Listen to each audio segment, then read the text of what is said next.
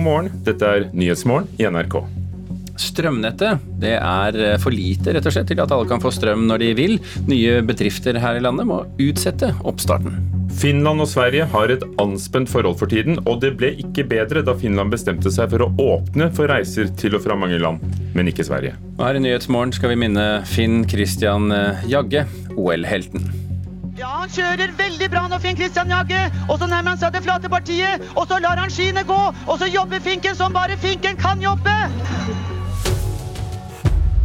Det var i Albertville i 1992. Finn Christian Jagge døde i går, 54 år gammel. Nyhetsmorgen i dag får du med Ugo Fermarello og Birger Kålsrud Jåsund i studio. Og vi hørte om ferier. Og hvis du lurer på hvordan en tur til f.eks. Hellas blir i praksis, så har vi noen svar ganske snart også. Nye bedrifter utsetter etableringen fordi de ikke får koble seg på strømnettet ennå. Folk og bedrifter vil ha så mye strøm for tiden at nettleverandørene ikke klarer å holde tritt. En bedrift på Mongstad i Nordhordland fikk eh, beskjed om at det vil ta mellom fem og ti år før de kunne knytte seg til strømnettet. Jeg var jo ganske overrasket da det akkurat kommet nye linjer til Mongstad. Der er etablert en stor eh, transformatorstasjon her. Trodde jo vi hadde fått mye ny strøm, eller økt kapasitet til Mongstad. Det meste lå til rette for at Thomas Bogetvedt skulle få etablert en ny batterifabrikk på Mongstad i Nordhordland. Men sånn skulle det ikke gå. Da de søkte til Statnett om å koble seg på strømnettet, fikk de svar om at det ikke var driftsmessig forsvarlig å knytte til nytt forbruk i dette området. Og Det betyr vel i utgangspunktet at eh, vi ikke får tilknytning til kraft før nettet er forsterket. Det har jo en tidshorisont på fem til ti år. Og de er ikke alene. Under halvparten av de nye forbrukerne som har søkt om å koble seg til nettet, har fått ja, medan resten må vente til Statnett har fått økt kapasiteten. For selv om det er nok strøm til å møte behovet, er det ikke kapasitet på nettet til å frakte all strømmen til nye etableringer. Det uroer fylkesordføreren i Vestland, Jon Askeland. Frykten vår det er jo da at eh, Norge da skal miste eh, bedriftsetableringer som krever elektrisk energi, som står midt i det grønne skiftet. For dette her er, er et europeisk mesterskap. Vi er nødt å ha nok eh, elektrisk kraft på plass, og det raskt. De siste åra har strømforbruket økt stort, både blant folk flest og næringslivet. Og i tillegg kommer prosjektet med å elektrifisere olje- og gassindustrien. Selv om dette prosjektet òg er viktig for både Norge og klimasaken, er Askeland redd for at det kan gå utover næringslivet på Vestlandet. Det er krevende når eh, Statnett har eh, gitt eh, løyve til, til elektrifisering av sokkelen fra Kolsnes, uten at de samtidig har sikra ny nettkapasitet. Det er jo det som har ført oss òg, eller mellom annet ført oss i denne situasjonen. Håkon Borgen, konserndirektør i Statnett, tar disse utfordringene på alvor.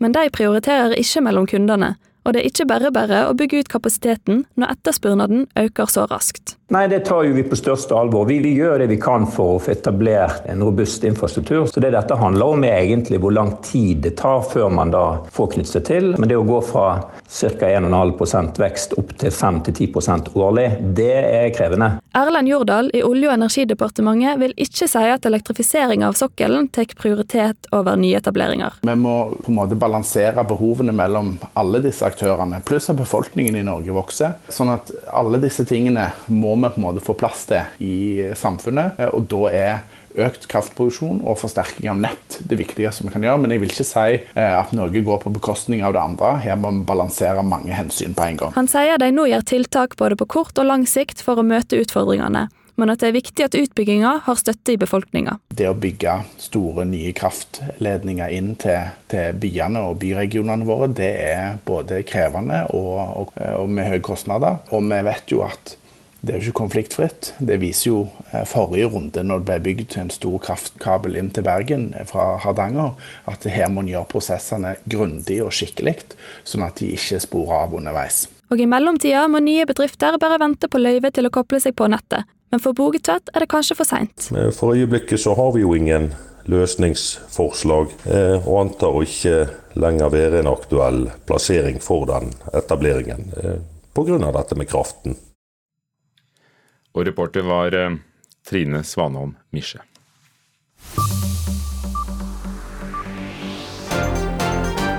Dette har skjedd i natt. Et eh, russisk resolusjonsforslag i FNs sikkerhetsråd om å redusere nødhjelp over grensen til Syria falt i natt. Russland trengte ni stemmer av Sikkerhetsrådets 15, og ingen av dem eh, fra de fem eh, vetomaktene måtte stemme imot. Men de fikk bare fire stemmer, viste det seg til slutt. Australia opphever utleveringsavtalen de har med Hongkong fordi de er bekymret for den nye sikkerhetsloven. I natt sa statsminister Scott Morrison at den nye loven innebærer en grunnleggende endring av omstendighetene rundt utleveringsavtalen.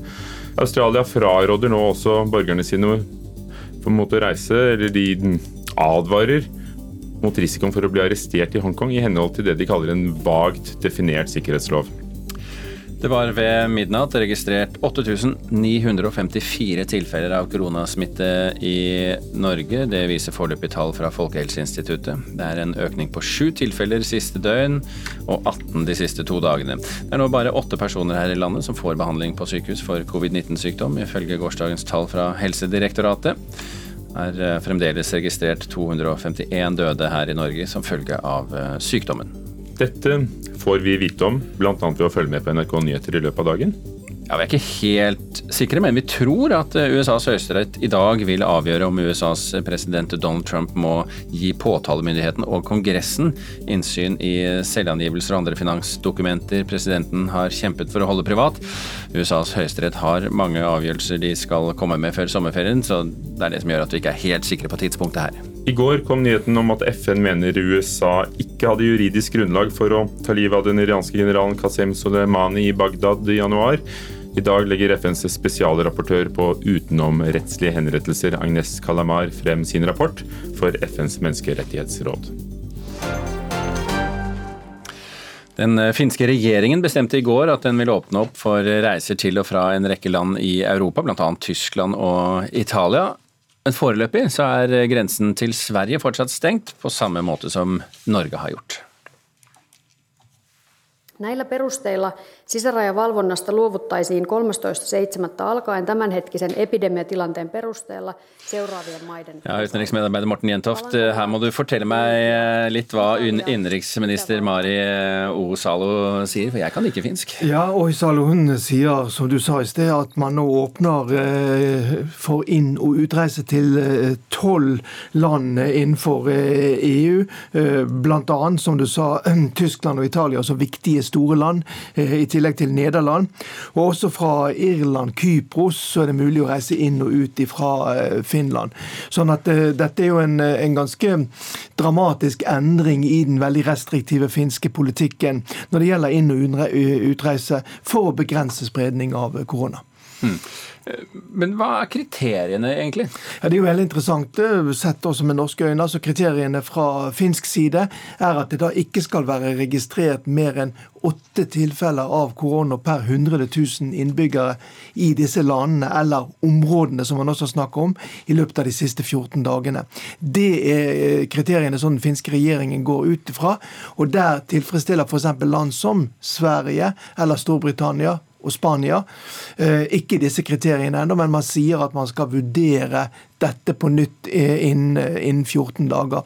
Og Det ble jo understreket selvfølgelig veldig sterkt under denne pressekonferansen i Helsingfors i går ettermiddag at man ikke ønsker noen slags landskamp overfor Sverige. Man ønsker selvfølgelig åpne grenser i forhold til nabolandet Sverige. Forholdet mellom Sverige og Finland er jo om enda tettere enn det mellom Norge og Sverige. Jo aiemmin Suomi on luopunut sisärajavalvonnasta Norjan, Tanskan, Islannin, Viron, Latvian ja Liettua liikenteessä. Ja, her snakker eh, Mario Hisali også om forholdet til, til Norge. Eh, grensen mellom Norge og Finland den er jo kanskje mange i Sør-Norge som ikke vet det, den er jo på eh, mer enn 700 km i nord. Eh, seks eh, grenseoverganger der oppe. Den blir jo åpnet 15.6. Der går jo trafik, trafikken som eh, normalt. man kan også fly mellom Norge og Finland på normal måte. Men skal man reise med bil til Finland, så må man altså gjennom Sverige og det fører jo da til visse begrensninger. Men Norge har jo da uh, for lengst hatt en slags prioritet, uh, sammen med noen andre land fra, sett fra finske myndigheter sin side, fordi at vi tilfredsstiller da de kravene som den finske regjeringen setter for lav uh, koronasmitte. Kjøre gjennom Sverige, sier du. Det gjelder jo i hovedsak oss fra Sør- og Midt-Norge. De som bor i Finnmark, de kjører vel Ja, De kan jo kjøre rett over grensen og rett ned i Finland. og Jeg hører jo også at det er veldig mange som bruker Finland som et ferieland i år, i og med at dit kan man reise fritt frem og tilbake. Ikke sant. Um, bærplukkere? Ja, Det er jo en, et, et, tema som også var oppe under pressekonferansen i går ettermiddag. Eh, Finland er jo et eh, bærland, en stor produksjon av skogsbær. Og nå tillater man altså at 3000 eh, bærplukkere fra Thailand skal få kunne komme til Finland for å høste av de enorme ressursene som finnes, bl.a. av blåbær, multer i Finland. Og dette er jo også en stor industri i Finland, produksjonen av bær. Sånn at gjennom å tillate bærplukkere, bl.a. fra eh, Thailand, så, eh, så, eh, kan den industrien da fungere som normalt. Ok, Morten Witthoff, takk for det. Vi holder oss til tematikken reiser, Hugo. For når vi hører hvordan Finland åpner opp, hvordan blir det når eh, Norge i morgen kommer med sitt kart som bestemmer hvor vi kan dra fra 15.07 uten å pådra oss karantene? En som er spent på det, er nok eh, dere i eh, TUI, reiseoperatør. Nore Aspengren, kommunikasjonssjef. Hvilke forventninger har du til i morgen? Vi har store forventninger til at også Norge kommer til å åpne opp for bl.a. Hellas i morgen. Og vi har satt opp fly allerede fra neste helg. Hvordan blir det for de som da drar til Rodos eller Kreta, som er de to reisemålene der dere allerede selger eh, billetter? Altså, Ferien i år blir jo litt annerledes, selvfølgelig. Vi må ta ekstra hensyn. Eh, vi må uh, gå med munnbind f.eks. når vi flyr. Uh, det vil være færre gjester på destinasjonen, men ferien blir nok fin også i år, uh, om enn ikke litt annerledes. Færre gjester på destinasjonen, kanskje Kanskje det er noen fordeler for de som faktisk får reist også? Det tror jeg jo. fordi altså, Destinasjonen er jo henrykt over å få ta oss imot. Eh, det vil bli mer personlig service enn noen gang. Så, så jeg tror nok du kan få en flott opplevelse, eh, også hvis du reiser nå i sommer. Men på stranden f.eks., som er en vanlig aktivitet på Rodos og Kreta, hvordan, eh, hvordan er det? Hvordan blir det? Det blir jo, Også der gjelder jo da disse sosiale distanseringsreglene, så du må holde litt avstand. Uh, solsengene vil være litt lenger fra hverandre enn vanlig. Kanskje du får litt mer personlig service ved solsengen hvis det er servering på stranden. Um, men du trenger ikke å ha noe munnbind eller noe sånt når du, når du soler deg. Det skal du få slippe. Restauranten, da? Der må du nok være litt mer forsiktig. Sånn at hvis uh, på en frokostbuffé f.eks., så må du jo beskytte deg. Eh, det vil være personale som serverer deg. Eh, så den vanlige buffé-stilen som vi er vant til, den vil nok være litt annerledes. Men, eh, men til gjengjeld så kanskje du ikke forsyner deg altfor mye, og kanskje du får akkurat det du skal ha, og du får fortsatt en fantastisk gresk frokost hvis du vil det. Nå, Rasmengren, selvfølgelig ser du det, det positive i det. Hvordan er interessen for, blant folk når dere har lagt ut og begynt så vidt? Ja, dette var jo veldig spennende. Vi har jo forberedt på oss på en gjenåpning lenge. Eh, vi la ut disse første turene nå for kanskje to og en halv uke siden, og det første flyet er allerede fullt. Så det lover godt. Eh, det er relative tall, selvfølgelig. Eh, vi er langt fra en vanlig sommer. Men interessen er der, og vi ser at det stiger uke for uke. Så, så trenden er positiv. Men så er det en epidemi. Det kan skje nye smitteutbrudd. Hvilke forholdsregler har dere tatt for, for, for, et nytt smitteutbrudd på stedet. Mm. Som sagt, Vi har forberedt oss på en gjenåpning lenge. En stor del av det er å ivareta godt smittevern. Så vi har innført tiltak på hotellene våre som handler om alt fra hvordan de ansatte jobber i nye team. Jo, jo Det er det du nevnte. altså mm. Det er mm. forberedelse på gjenåpningen. Hva mm. med forberedelse på en ny nedstengning? Ah, sånn hvis, det skjer, hvis det skjer at det kommer et smitteutbrudd der du er? Ja, eh, Da må vi også følge eh, lokale myndigheters eh, anbefaling og hvordan de ønsker at vi skal håndtere det. Hoteller har nå egne koronakarantenerom tilgjengelig dersom det skulle skje. Um, og man må i en to ukers karantene, f.eks. i Hellas. Vi er ansvarlige for gjestene våre, så vi vil også sørge for å få de hjem, selvfølgelig, når de har oppfylt de kravene til karantene der hvor de er. Hvis rådene endrer seg underveis. Slik at noen av de destinasjonene hvor dere har begynt å, å, selge turer, skulle havne på en, på en, rød liste. Hva gjør dere da? Blir det opp til folk å, å reise eller ikke reise, eller, eller blir det ingen tur? Nei, Vi følger alltid UDs reiseråd, så dersom vi ikke åpner eller det skulle bli en nedstengning senere, så vil eh, reisene kanselleres. Og kundene våre vil få pengene sine tilbake. Eventuelt eh, bestille da en senere ferie hvis de ønsker det. Men vi reiser ikke dersom ikke UD sier at det er ok. Og hvis det er ok, og folk eh, bestiller som gale, hva gjør du da? Setter opp flere fly? Det hadde jo vært en, en drømmescenario, eh, så vi er absolutt åpne for det. Takk skal du ha, Nora Aspengren i TUI.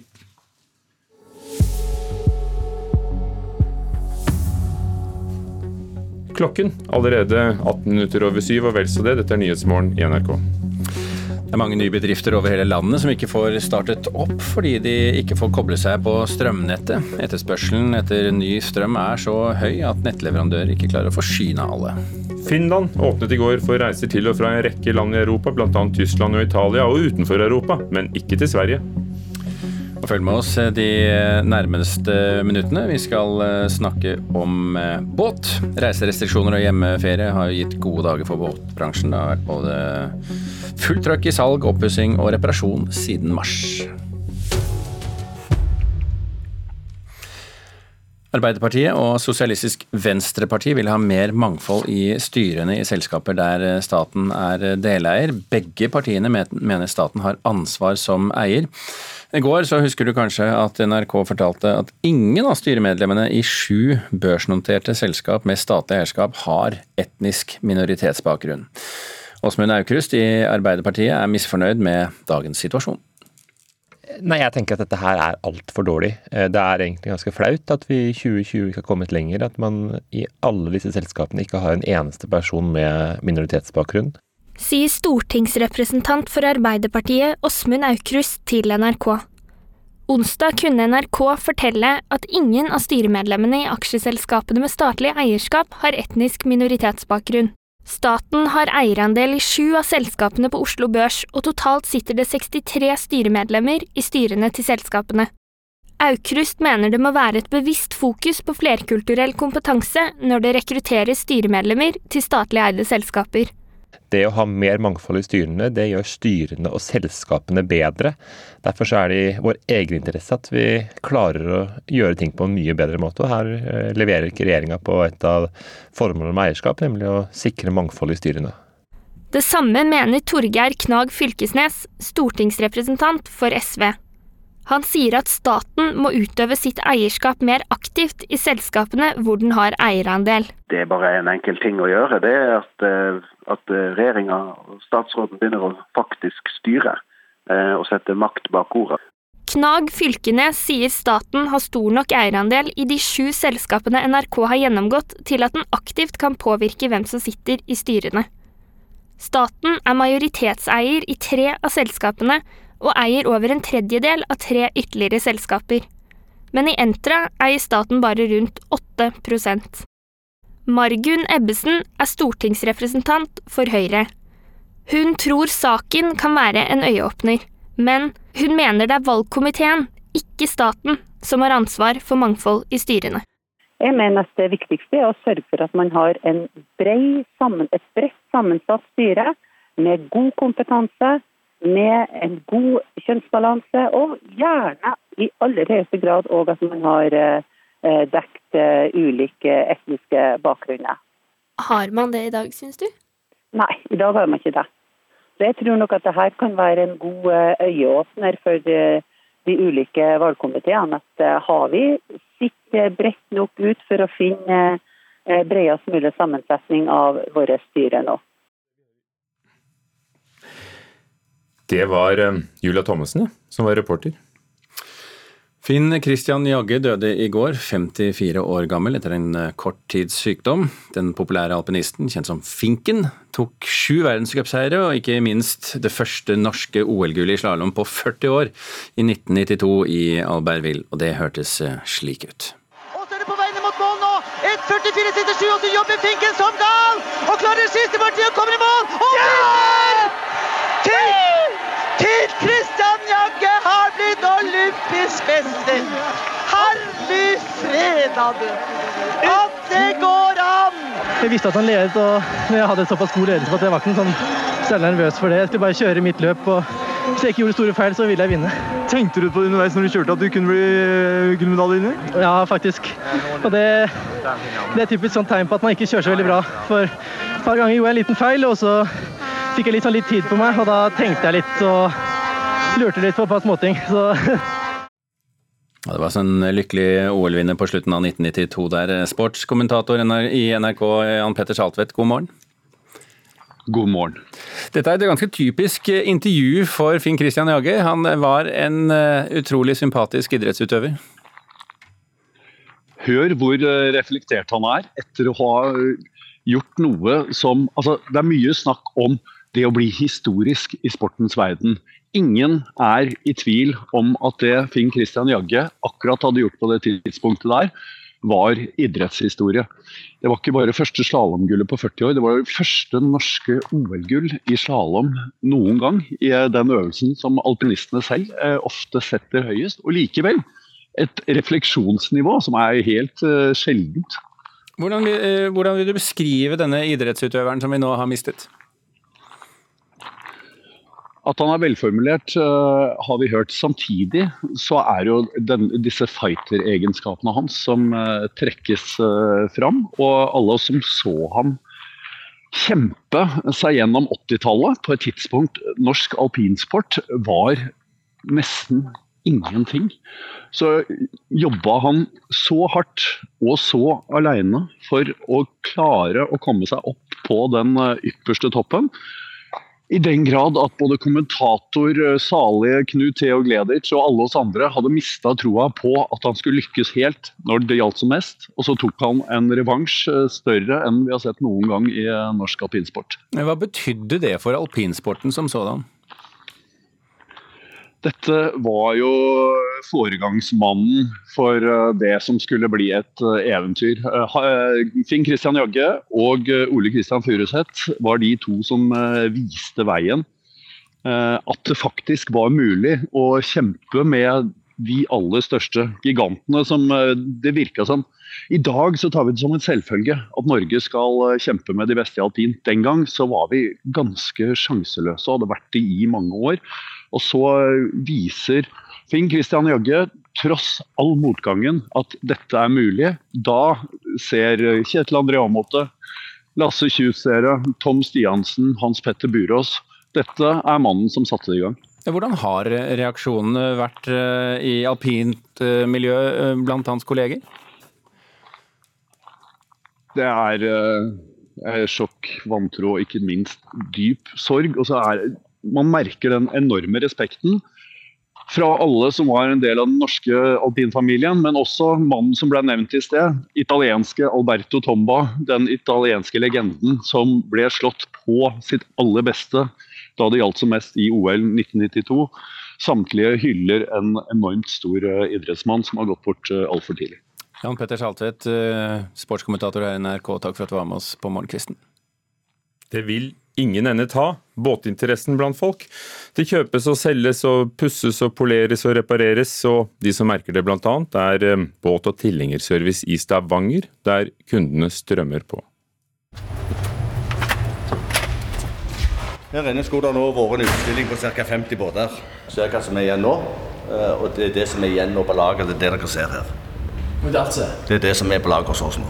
50 båter er det iallfall ikke. Kanskje 10-12 toppen. Og på verkstedet står mange flere som er under reparasjon. Den erfarne båtmekanikeren Terje Berland har aldri sett lignende. Jeg har holdt på i denne bransjen i 23 år nå. Og det er klart at rett før finanskrisa smalt så hadde vi vel òg et godt år i Norge på båtsalg, men aldri sånn som det er nå. Og nå er det mildt sagt travelt. Og på Båt- og tilhengerservice AS i Stavanger starta det når ting ellers i samfunnet ble trappa ned. Den travle perioden begynte ca. 26.3. Da, da bare eksploderte igjen. Etter da noen rolige uker, når vi hadde fått beskjed om at noe skulle stenges ned. Og etter det så har det gått i ett. Lange arbeidsdager, helger, fridager. Men det, det er kjekt å holde på med. Heldigvis er det kjekt, for det ser foreløpig ikke ut til å roe seg. I dag blir det klargjøring av båter, overlevering av båter, og så blir det opprydning før neste uke igjen. Neste uke ser ut til å bli fortsatt like travel som denne. reparasjon og oppussing. Men i tillegg trenger kunder alle slags deler til båter og motorer. Jeg er, ja, hva skal jeg si, Ja. Kunde Asbjørn Nordland har dårlig tid. Jeg skulle hatt noen deler til en gammel Honda-motor. Ja, de bokstavene foran der. Vet du betegnelsen på den? Heldigvis er delesjef Monica Helen Berland blitt effektive på ekspedering den siste tida. Det har jo vært mange kunder, og det er mye mail som kommer. sant? Jeg kommer jo ikke gjennom alle mailene på en dag. Det tar litt tid å finne finne fram. Og noen kommer jo med motorer fra 80-tallet og 90-tallet og skal ha deler til det. Nei, ja, for det var det jeg skulle spørre. Du kan få to forskjellige. Du kan enten bare få selve kalesjen, eller så kan du få komplett med bøyler og kalesjeduk. Mm, ja, det er fra MT. Og med feriestart kommer det flere og flere henvendelser. Eh, ja, det er litt siste liten. det er det. Ferien har starta, folk tar fra motorer og finner ut at de trenger litt, eh, litt reservedeler og noe som er ødelagt. da, altså. Sitter jeg og finner og blar og ser om de har det på lager. Til slutt har journalistene brukt opp tida si, for båtmekanikeren han må ut på oppdrag. Beklager ventinga, men det er travelt. Jeg må sykle av gårde, da, for jeg har fått en kunde som ringte meg og sa trenger litt hjelp. Så jeg må kjøre av gårde. Beklager det, men sånn er livet. Så får dere ha en god helg, så snakkes vi. Reporter var Elias Håvarstein i Stavanger. Dette er Nyhetsmorgen i NRK, og klokken er straks halv åtte. NRK P2, to i campingstol. Gro Dale skriver barnebøkene som gir barna et språk for å fortelle om vold og overgrep. Hvordan snakker psykologen Reidar Gjerman med unge pasienter om det vonde og det vanskelige? To i campingstol. I dag klokka 15.30 på NRK P2.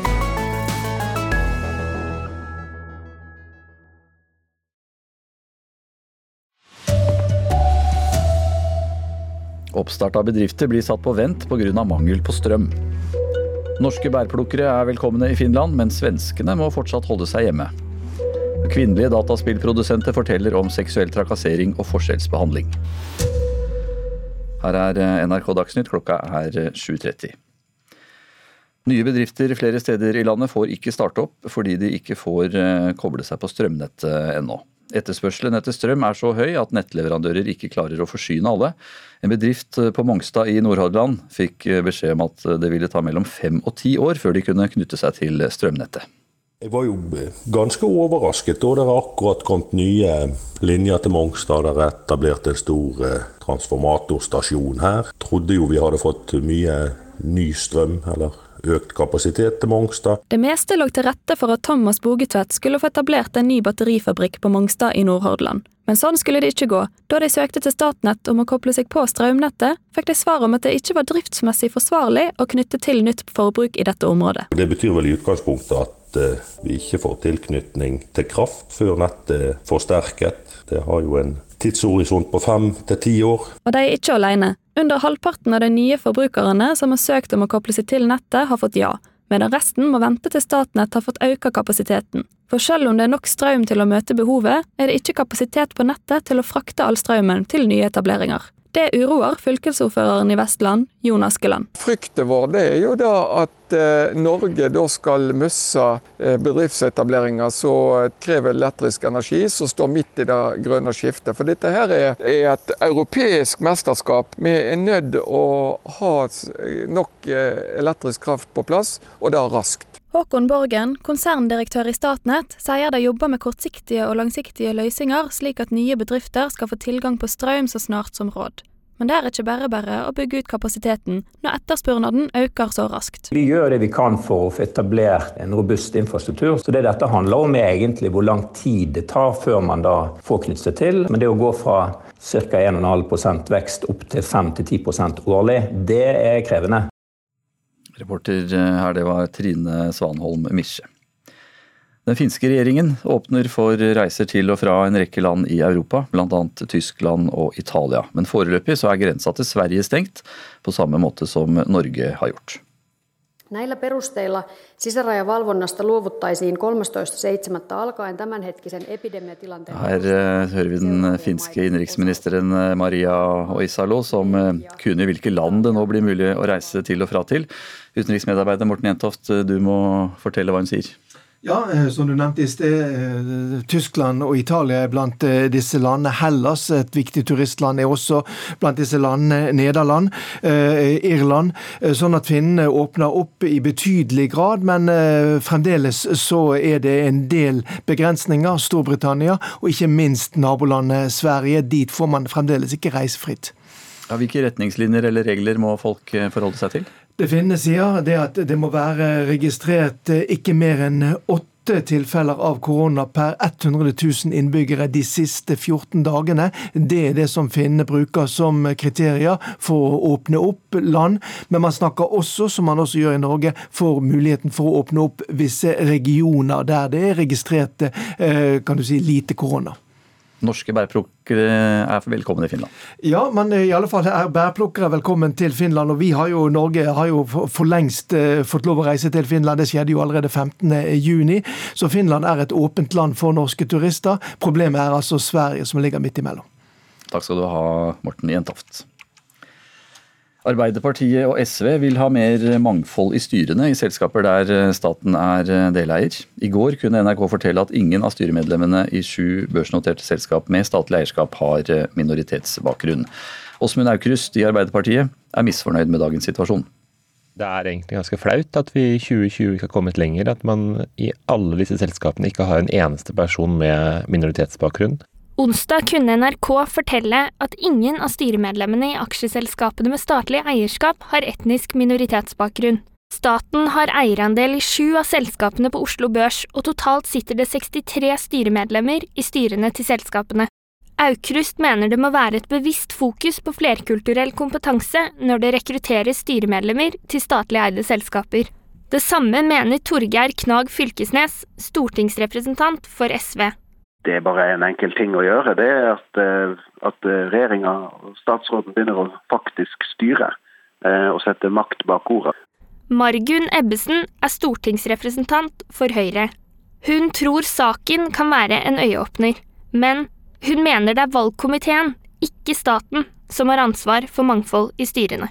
Jeg mener at det viktigste er å sørge for at man har sammen, et bredt sammensatt styre med god kompetanse, med en god kjønnsbalanse, og gjerne i aller høyeste grad òg at man har eh, dekt eh, ulike etniske bakgrunner. Reporter her, Julia Thommessen. Det nylig innførte skattelettene for oljeselskapene har gitt resultater for Akers underselskap Kverner. I kvartalsrapporten som ble publisert eh, nå i morgentimene, så sier selskapet at de gjør det bedre enn ventet. Reporter Einar Lone Bjørud, hvorfor er det viktig for næringa? Aker Kverner, eller Aker underselskap Kverner, er et av Norges største leverandører til oljeselskaper som har offshoreaktivitet, og har 2800 ansatte. Originalt så forutså de en inntekt på 6 milliarder kroner i 2020, men i denne kvartalsrapporten som kom i dag, så sier de at de antar en inntekt på 7,5 milliarder kroner. Så det er en kraftig oppgang der, da. Men hvorfor eh, gjør de, så, gjør de det så mye bedre enn forventet? Ja, I starten av året så var det lav oljepris, og pga. koronakrisa så ble første kvartal heller mørkt, og det så, det så, vanskelig ut i 2020. Men den oljeskatten du refererer til, den skatteletten for oljeselskaper, som var ment til å gi insentiver til eh, selskaper for å starte nye produksjoner, den eh, har jo nå gjort at Kverner eh, har fått oppdrag, og dermed kan gå i gang med produksjon. Takk skal du ha, reporter Einar Lone Bjørud. Nesten åtte av ti eh, nordmenn bruker bil på sommerferie i år. Det viser Norsk koronamonitor fra Opinion. Undersøkelsen viser også at mange ikke vil ta ut full ferie i år, eller de vil utsette ferien. Mange svarer eh, også at de skal bli hjemme og ta korte turer med bil. Og Da kan det bli folksomt på norske veier, for en annen undersøkelse viser at 2,2 millioner tyskere vurderer å reise på ferie til Norge i sommer. Det er en undersøkelse som eh, Innovasjon Norge har gjort. Og denne spørreundersøkelsen viser at Norge er et mer attraktivt reisemål for tyskere enn både Danmark og Nederland. Og denne sommeren så vurderer altså over to millioner tyskere å ta turen hit. Det skriver Dagens Næringsliv. Så skal det handle om eh, diskriminering i spillbransjen. For eh, flere kvinnelige produsenter av dataspill forteller om eh, seksuell trakassering og forskjellsbehandling. Arbeidsgiverorganisasjonen Virke konstaterer at det er et problem, og at tidligere tiltak ikke har vært nok. Jeg har jo opplevd at uh, en journalist jeg prøvde å godsnakke med på en fest da, til å få skrive om det jeg holdt på med, så fikk jeg beskjed om at han gjerne kunne skrive den saken hvis jeg sugde han. Dette forteller Linn Søvik i spillutviklerselskapet Pineleaf Studio. Søvik har flere års erfaring i bransjen, men opplever til stadighet at kvinner forskjellsbehandles.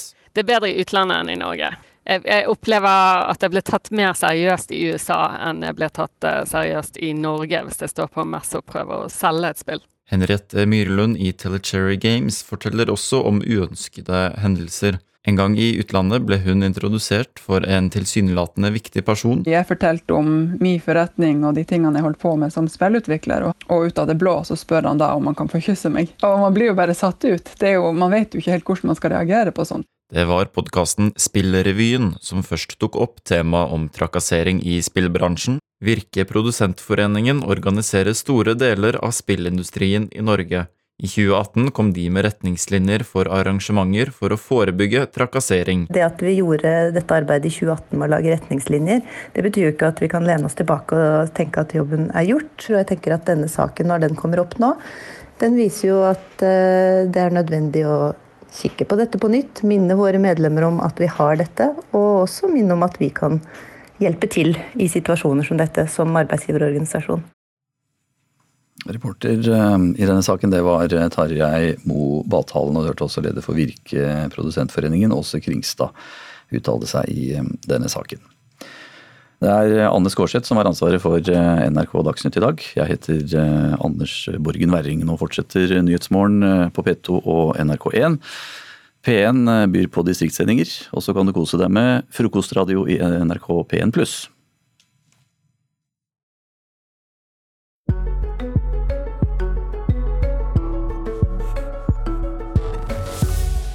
Norske bedrifter er slett ikke godt nok forberedt på å møte økonomiske kriser. Det sier lederen for Norsk Industri, mannen på toppen, Stein Lier Hansen. Og hva han mener med det, det skal vi få vite i Sommerkvarteret om en femminutters tid her i nettopp Nyhetsmorgen i NRK. Men aller først om globuser. Det er 60 år siden Finn Sagerud fra Flisa i Solør satt hjembygda på kartet, og da mener vi virkelig bokstavelig talt. Dermed havnet den vesle Hedmarksbygda på kartet sammen med all verdens hovedsteder. Her er de viktigste stedene i verden. Her ser vi Anita og Finn Erik Sagerud og søstera Aud Christensen snurrer på globusen. Der står bitte lille Flisa i Solør med like stor skrift som London, Paris og New York. New York. Og så ser vi Oslo og Flisa. Flisa på kartet. Det er vi stolte av, altså. Hvordan fikk bygda med 1600 innbyggere en slik plass blant verdens største byer? Historia starter på 50-tallet med at faren deres, Finn Sagerud fra Flisa, kjørte småfly på oppdrag fra næringslivet, og oppdaga at folk likte å se jorda i fugleperspektiv. Og så fikk han så veldig mange spørsmål om mm. hva heter det her, hva heter det her? Mm. Og da følte han at han fikk oppgaven med å lage en globus etter hvert. Så ideen kom nok ut av det. Elektrikeren, flyveren og bokselgeren leide det tidligere Arbeiderpartilokalet i hjembygda og innreda en topp moderne Globus-fabrikk. Pappa var jo veldig nysgjerrig og tilegna seg kunnskap på ting, så han løste jo det. På kort tid ble Sagerus globusindustri en hjørnestensbedrift på Flisa. På det meste så var det ansatt 75 eh, stykker på fabrikken. Så var det 25 selgere som gikk og banka på dører rundt om i hele Norge. Alle de første 1000 globusene de solgte jeg på avbetaling på 10 kroner måneden. Så vanlige mennesker brukte to år på å betale en globus. I 1993 ble Sagerud intervjua i Norge Rundt om suksessen. Det spesielle ved denne globusen det er jo at det er et håndarbeide. Hvor mange globuser som til sammen er blitt laga ved landets eneste globusfabrikk på Flisa, er usikkert. Det veit vi ikke, men vi så i et avisutklipp at det var over 400 000 solgte globuser. Så hvor mye det, det egentlig er Så er det jo solgt i Sverige, for det er jo eget mm. svensk kartverk. Og mm. engelsk kartverk kan ha solgt i England, mm. Irland og USA. Når det gjelder globuser som er produsert her, så tror jeg vi kan gå fra Flisa til Oslo på globuser uten å trå på bakken. Søskenflokken på fem måtte også hjelpe til på fabrikken på fritida, minnes Anita Sagerud. Alle måtte være med. Det, jeg veit jeg hadde en kinoavtale da jeg var ung, men det var ikke snakk om å gå på kino, for der skal du leveres globuser. For da hadde han en avtale som han skulle rekke, da. Den siste globusen fra Sagerud kom i 1999. Året etter døde den oppfinnsomme gründeren av kreft, 71 år gammel. Søskenflokken på fem er stolte over at faren deres, Finn Sagerud, satte Flisa på verdenskartet. Vi er kjempestolte, ja, det må jeg si. Ja. Jeg syns det er helt genialt. Det førte òg til at unge som vokste opp i Åsnes og så Flisa på globusen, fikk økt sjølfølelse. Ja, du vokste jo opp eh, på Flisa da du så på den globusen og trodde at Flisa var eh, verdens navle, da, kan du si. Så det var jo en liten, liten nedtur da du etter hvert så at det var globuser som det ikke sto Flisa på. Nå ser jeg på at det er noen som har lagt ut en annonse på Finn om vintage globus til salgs, og den går for 1900 kroner. Der er den. Ja, 60 år etter er globusene på Flisa ettertrakta samleobjekter. Syns det er veldig bra. Kjempeartig. Sagerud-globusen er den eneste norskproduserte globusen noensinne. Jeg er kjempestolt, og jeg veit at hadde pappa sett at eh, globusen fortsatt levde og ble solgt, og da hadde han vært kjempestolt, altså. Og det var reporter Steiner Eide som hadde møtt tre av de fem voksne barna til Finn Sagerud, pilot og globusentreprenør på Flisa i Solør.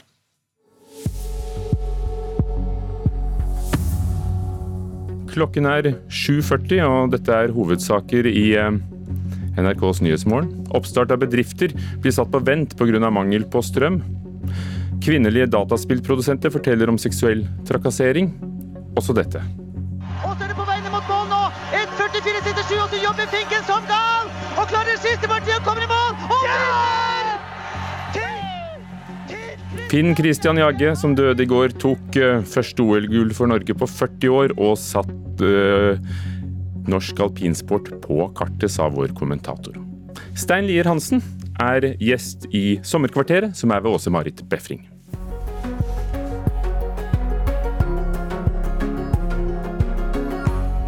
Ja, her ser dere R5, og i den bygningen sitter bl.a.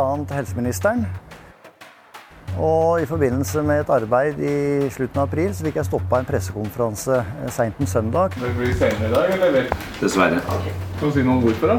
Jeg syns at uh, vi fra NHO ikke burde delta på den pressekonferansen. Og det, det var det jo de ulike delte meninger om. Da Da gjorde vi det som vi gjør i dette landet. Vi setter oss rundt et bord, så bestiller vi pizza.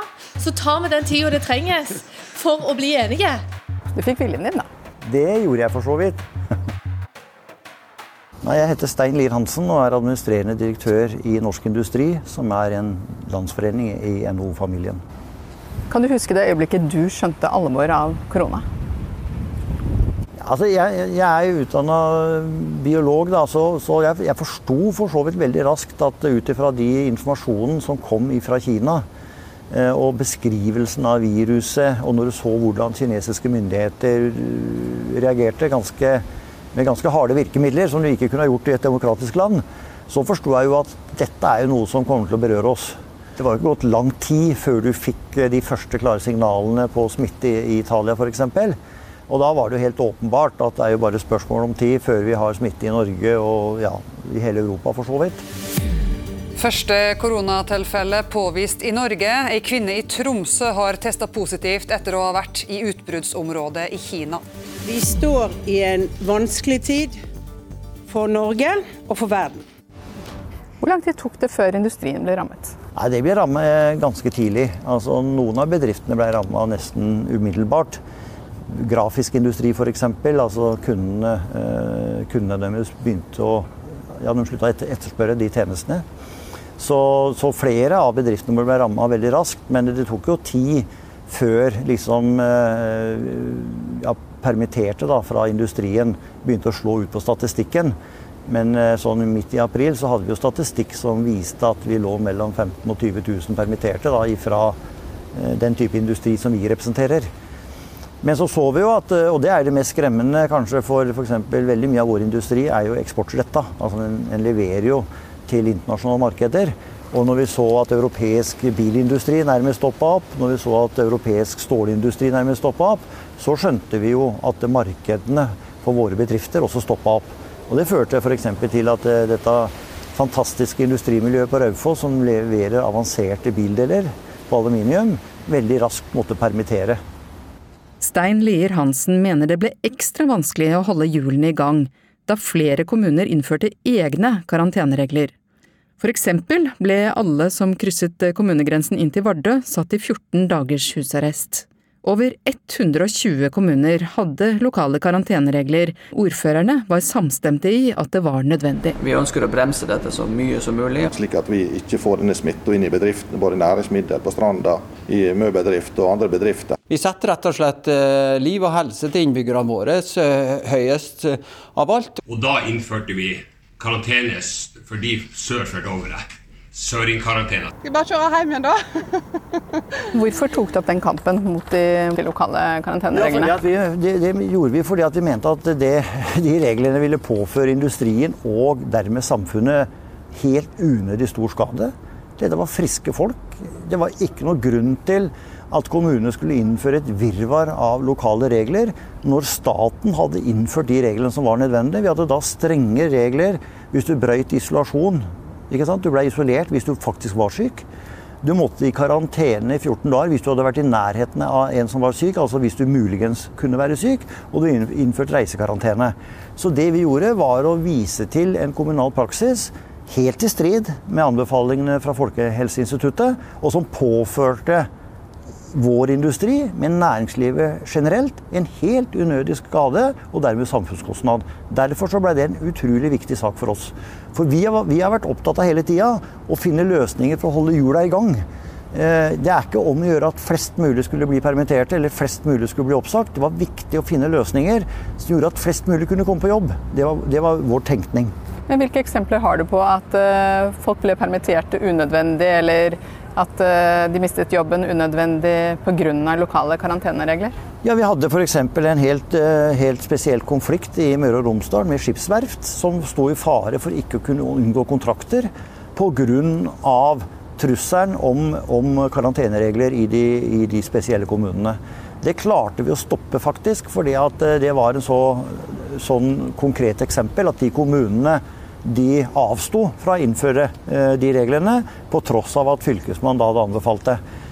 Men det var helt konkrete, det helt konkret region hvor det var et, et godt, en helt akutt situasjon. Vi hadde en annen situasjon, og det, det gjaldt deler av prosessindustrien.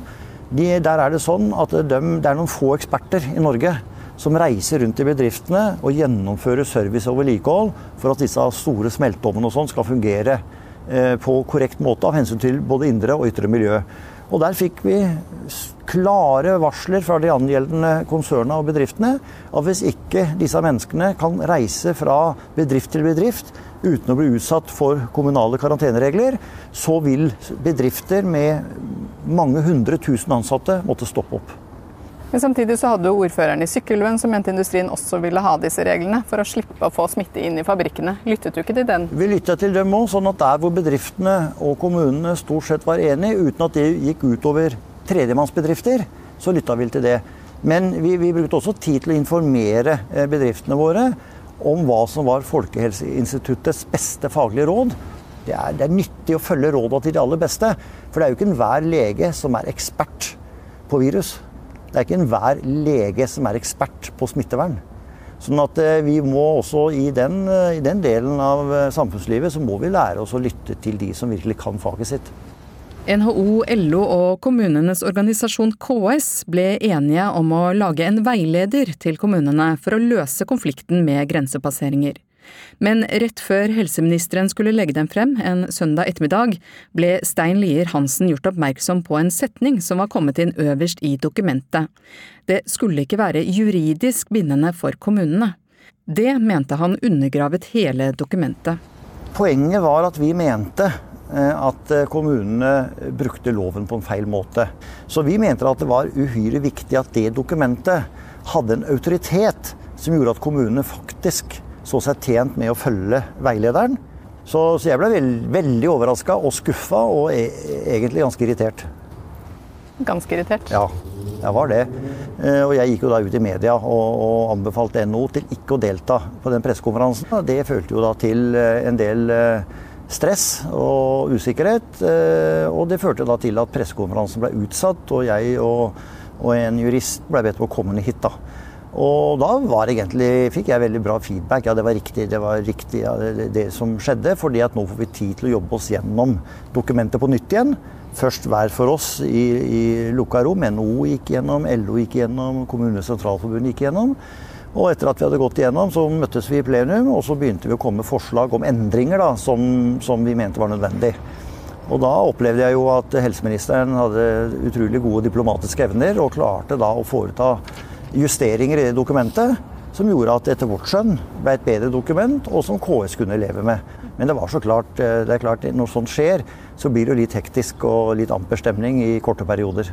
Hva så du da, etter at eh, veilederen kom? Hva, hva, så du på arbeidsplassene da? Da så vi at folk kom seg på arbeidsplassen sin uten å måtte gå gjennom eh, karanteneregler. Vi så at disse ekspertene kom seg inn på bedriften og kunne gjøre jobben sin før bedriftene måtte stoppe opp. Så vi så at dette løsna, ikke over natta, men gradvis. Hvilke vaner har du endret i år? Jeg har helt åpenbart blitt mye mer opptatt av eh, ja, personlig hygiene. Mye flinkere til å vaske hendene i alle situasjoner. Bruker antibac. Det jeg sliter mest med, er den sosiale avstanden. Ofte så glemmer jeg meg litt og skal ta folk i handa, det, men det begynner jeg nå Det er ingen som vil, da, så det har jeg lært. Også, er jeg opptatt av én ting til, og det håper jeg vi alle har lært. Og det er at vi må være mer forberedt på kriser. Vi må være mer forberedt som enkeltpersoner, som grupper og som nasjon på å møte den type krise. Så her har vi en læringsvei å gå alle sammen, for dette er ikke siste gangen. Hvilke ferieturer har du måttet droppe i år?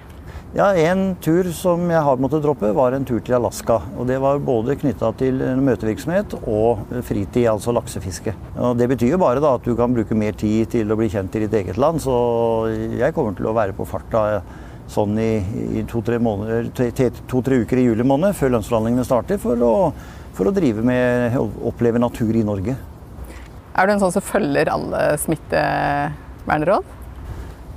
Ja, eh, det vil jeg nok si. Jeg, jeg, har absolutt intensjoner om å gjøre det, men så hender det at det kan glippe litt. Eh, og, og, nei, det er mer en sosial avstand, altså. Det, det, nå er jo den gått litt ned, altså nå er den jo helt ned på én meter, så da blir det da blir det enklere enn om det hadde vært en større For det er fort å glemme, syns jeg. Enten du er i butikken, eller du er på T-banen, eller hvor du er.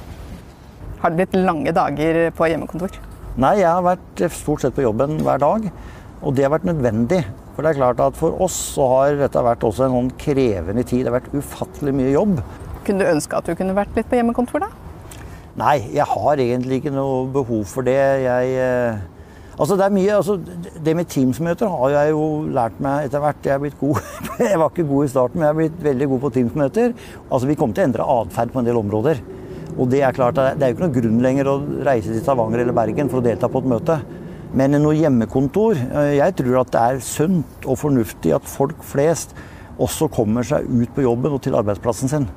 Vi har jo alltid sagt at det å komme seg på jobben, det er viktig for folkehelsa. Eh, og det å isolere seg hjemme det kan være greit i en periode, men eh, de fleste vil ha enda større glede av å komme tilbake og møte gode kolleger. 10.3 så får du overlevert et krav fra Fellesforbundet. Lønnsforhandlingene skal starte. Forventet du da at vi skal bruke barn til dette? Dette diskuterte jeg med Jørn Eggum, og vi var jo usikre. Men det, det som kanskje var eh, den største usikkerheten, det var om vi klarte å samle mennesker eh, som, hvor alle holdt seg friske. Altså, det lå jo korta hvis én eller to i delegasjonene eh, ville få, eh, få, denne virusen, så lå det litt i korta at da var det ikke mulig å gjennomføre forhandlingene. For vi visste jo da at da måtte vi andre også i karantene ikke sant, som mistenkt smitta. At den der lockdown og hele den der psykologien som utvikla seg rundt oss, den kom litt overraskende på oss. For en time siden ble de mest drastiske tiltakene i fredstid iverksatt for å kjempe mot koronaviruset. Nei, da ble det jo klart eh, for, eh, for både oss i norsk industri og, og de i Fellesforbundet at nå strammer det seg til. Og, og vi visste at hotellene kunne bli stengt f.eks. Restauranter. Ja, vi begynte å skjønne at flyreiser kunne bli vanskelig. Og da eh, var vi vel egentlig innstilt på å raskt kunne avslutte dette her eh, gjennom å, å, bli enige om en protokoll eh, som gjorde at vi prolongerte avtaleverket. Så når først snøballene begynte å rulle, så gikk det jo fort, da. Og det er klart at LO og NHO, som også følger med på hva vi gjør, var jo også veldig innstilt på at vi, vi måtte avslutte og ikke prøve å presse dette gjennom helga. Hvordan mener du korona bør påvirke dette lønnsoppgjøret? Nei, altså Koronaen påvirker jo økonomien. Og i alle lønnsoppgjør så er det jo veldig tradisjon for å ta hensyn til hva er de økonomiske forutsetningene for å gjennomføre et lønnsoppgjør. Og det er ikke tvil om at eh, Sånn sett så har vi et dårlig utgangspunkt for å gi lønnsøkning i år. Nettopp fordi at bedriftene sliter, samfunnet sliter. Og vi alle ber jo om en dugnad for å komme gjennom dette her. Når tror du verden er vanlig igjen for industrien? Jeg tror, ikke, jeg tror ikke vi kan si at vi er tilbake til en normal situasjon sånn som man var i 2019. Før vi har lagt både 2020 og 2021 bak oss. Hvem eh, av de du organiserer, tror du blir vinnere og tapere? Altså De som blir vinnere, er de som utnytter denne situasjonen til å gjøre teknologiske framskritt, og dermed har en bedre konkurransesituasjon når ting normaliserer seg. Det er en beinhard verden der ute, og vi vet at industrien i f.eks. Tyskland mottar milliarder for å forberede seg og bedre sin konkurranseevne når ting igjen begynner å fungere. Så det blir ikke noe enklere å konkurrere etter denne pandemien enn før. Hva var den viktigste lærdommen fra 2020 i din organisasjon og bransje? Ja, Det er at vi må være godt forberedt på at den type kriser inntrer. og da, Derfor er det enda viktigere at vi har robuste økonomiske systemer. Altså Vi må ikke tro at vi kan leve på marginalen. Vi må være forberedt på at den type tilbakeslag kan komme. Og da trenger vi enda mer økonomisk bærekraftige bedrifter. Og det må vi få til en dialog med med politikere om, og det må vi få til en dialog med fagbevegelsen om, sånn at bedriftene våre er enda mer robuste rent økonomisk til å takle en sånn situasjon når han først opptrer.